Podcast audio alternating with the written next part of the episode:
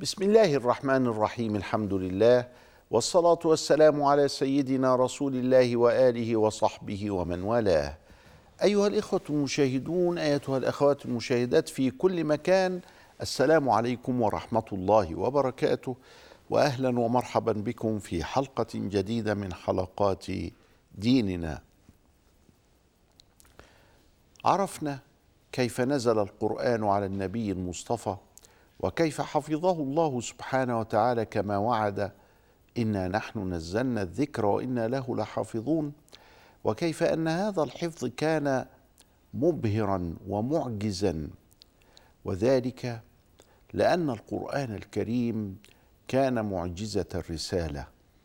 وهناك ما يسمى بمعجزة الرسول وهناك ما يسمى بمعجزة الرسالة. أما معجزة الرسول فهي خاصة بقومه في مكانه في زمانه. أما معجزة الرسالة فهي باقية إلى يوم القيامة. وذلك أن القرآن الكريم يسميه المسلمون بالنبي المقيم. فالله سبحانه وتعالى قدر أن يكون النبي صلى الله عليه وسلم خاتم النبيين. فلا نبي بعده ولا رسول. فشق ذلك على الصحابة حتى قال تبقى الرؤيا الصالحة يراها العبد الصالح أو ترى له. لكنه ترك فينا ما إن تمسكنا به فلن نضل أبدا. كتاب الله وسنتي كتاب الله وعترة أهل بيتي. فالمحجة البيضاء هي الكتاب والسنة وحب آل البيت الكرام. هذه المحجة البيضاء قامت مقام الأنبياء وكان ذلك من تقدير الله سبحانه وتعالى وتقدير الله كله خير وذلك أنها وحدت أمة الإسلام. ولذلك رأينا أن أمة الإسلام يطلق عليها أهل القبلة مهما اختلفت آراؤهم مهما تنازعوا فيما بينهم سياسيا مهما اختلفوا أو تنازعوا على دنيا في الملك أو في الاقتصاد مهما فعلوا كل ذلك إلا أن الجميع يستقبلون القبلة للصلاة. ولذلك جعل رسول الله صلى الله عليه وسلم الصلاة ذروة سنام الدين وذروة سنامه الصلاة. والعهد الذي بيننا وبينهم فمن تركها فقد كفر ولم يقل هو كافر إنما هي عمل من أعمال الكفر أن تترك الصلاة. وجعل الصلاة ركنا من أركان الإسلام. بني الإسلام على خمس شهادة أن لا إله إلا الله وأن محمدا رسول الله وإقام الصلاة وإيتاء الزكاة وصيام رمضان وحج البيت لمن استطاع إليه سبيلا. خمسة أركان.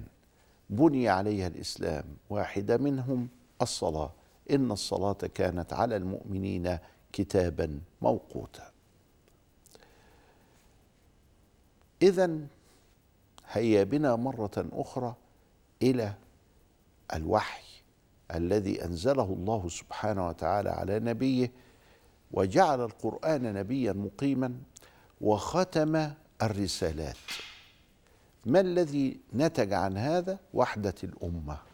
أن الأمة لم تتشتت لأنه لو كان يرسل أنبياء لآمن بها من الأمة بعضهم فيكون مؤمنا ولكفر آخرون فيكونون قد كفروا وخرجوا عن دين الله.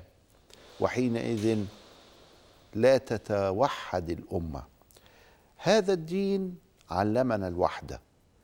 أمرنا أن نوحد الإله فنحن أهل التوحيد ونبينا واحد لا ثاني له فليس هناك كما حدث مع موسى في بني إسرائيل أن الله سبحانه وتعالى بعث الأنبياء تترى فكان النبي يكذب من قومه وكان النبي يتبعه الاثنان والثلاثة والرهط تسعة عشرة أو يتبعه مئة ألف أو يزيدون أو لا يتبعه أحد.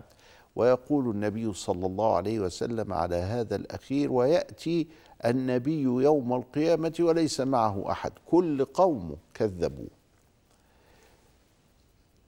حدث هذا وحدث الخلاف والشقاق في بني إسرائيل. فلما أرسل الله عيسى عليه وعلى نبينا الصلاة والسلام آمن به بعضهم وكفر به بعضهم. لكن في أمة محمد ليست هناك نبوة أصلا حتى يؤمن البعض ويكفر البعض. والنبي صلى الله عليه وسلم يحذرنا من ثلاثين نبي كذاب سيظهرون في أمة النبي صلى الله عليه وسلم وقد كان. وجمع أصحاب تتبع العقائد والفرق أسماء المتألهين الذين ادعوا الألوهية من المسلمين والمتنبئين الذين ادعوا النبوة من المسلمين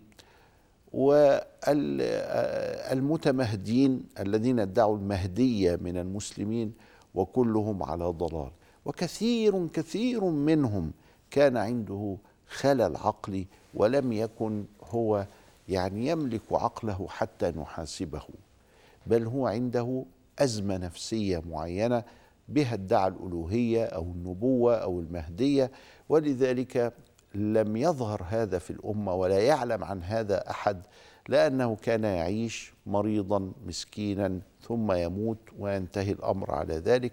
حتى إذا اتبعه واحد أو اثنان أو ثلاثة فإنها تنتهي بموتهم وتنتهي ببدعتهم هذه التي يخالفون فيها الدين ويخالفون فيها حكمة الله سبحانه وتعالى في كونه. اذا فديننا مبناه على القرآن الكريم وعلى ما تركه لنا النبي صلى الله عليه وسلم والذي سنرحل معه رحلة واسعة في كيفية نقله كما تكلمنا عن القرآن الكريم. فالقرآن معجزة رساله فما الفرق بين معجزة الرسالة ومعجزة الرسول؟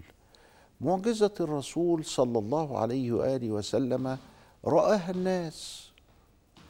رأوا وهو يضع يده الشريفة في إناء بسيط فيه ماء فإذ بالماء يفور كأنه يفور من شلال فيكفي لسقاية جيش مكون من ثلاثين ألف بني آدم وهم يتوجهون إلى تبوك. ثلاثين ألف شخص يفيض عليهم الماء فيملؤون أوعيتهم يعني هو لم لم يفض الماء الذي يكفي شرب أو الري لثلاثين ألف بل لملء أوعيتهم التي تكفيهم يوم والثاني والثالث إلى آخره. يقول ابن السبكي وأفضل المياه ماء قد نبع من بين أصابع النبي المتبع. يليه ماء زمزم فالكوثري فنيل مصر ثم باقي الأنهر نيل مصر من أفضل المياه التي خلقها الله سبحانه وتعالى ولذلك الحفاظ عليه هو حفاظ على نعمة من نعم الله. الحفاظ عليه له ثواب. كالحفاظ على ماء زمزم. كاحترام هذا الماء المقدس الذي نبع من بين أصابع النبي صلى الله عليه وآله وسلم. أما إهانة النيل والتعدي عليه وتلويث مياهه فهي جريمة تساوي الانتهاك وعدم القداسة والحرمة للمياه التي أنعم الله سبحانه وتعالى بها على المصريين وعلى هذا البلد الأمين. أفضل المياه ماء قد نبع من بين أصابع النبي المتبع يليه ماء زمزم فالكوثري فنيل مصر ثم باقي الانهر والكوثر إنما هو ماء آه، نهر في الجنة. حمل عليه قوله تعالى إنا أعطيناك الكوثر. يعني ذلك النهر الذي هو في الجنة حتى إن النبي صلى الله عليه وسلم قال إن نهر النيل والفرات وسيحون وجيحون في الهند من أنهار الجنة. لما؟ لهذه الأنهار من مزية خلقها الله سبحانه وتعالى لحكمة ارتآها أن تستقر هذه البلاد وتكون بلادا آمنة وإن شاء الله إلى يوم الدين. نحن الآن معنا معجزة الرسول. معجزة الرسول رأوا وهو كان يخطب على جذع نخلة أمام الناس في يوم الجمعة. فأتت امرأة وقالت عندي عبد رومي يستطيع أن ينشأ لك منبرا آه، تقف عليه. فعمل المنبر من ثلاث درجات وكان هذا المنبر من خشب يسمى عندهم عيدان. والعيدان هذا نوع من أنواع الخشب فيه يعني قوة وصلابة. ووقف النبي صلى الله عليه وسلم يخطب على هذا وجعل جذع النخلة الذي كان يقف عليه حتى يصل صوته إلى آخر المسجد جعله بجوار المنبر. الصحابة كلهم أمامهم في يوم الجمعة سمعوا صوتا لهذا الجذع فسمي هذا الصوت بحنين الجذع حنين الجذع معناه صوت وكأنه بكاء كأنه يبكي لأن النبي صلى الله عليه وسلم فارقه. نزل النبي صلى الله عليه وسلم وهو يشير لنا بالاهتمام بالبيئة وبالاهتمام بالأشياء وأن هذه الأشياء التي حولنا إنما هي تسبح وتعبد ربها ولها آه، نوع من أنواع الاحترام وعدم العدوان عليها. نزل رسول الله من المنبر واحتضن الجزع فسكن. وتكلم بشيء خفيت لم يسمعه الصحابة فقالوا له ماذا قلت له يا رسول الله؟ حتى يسكن. قال قلت له ألا تحب أن تكون رفيقي في الجنة؟ فسكن. هذا الكلام حدث أمام الصحابة.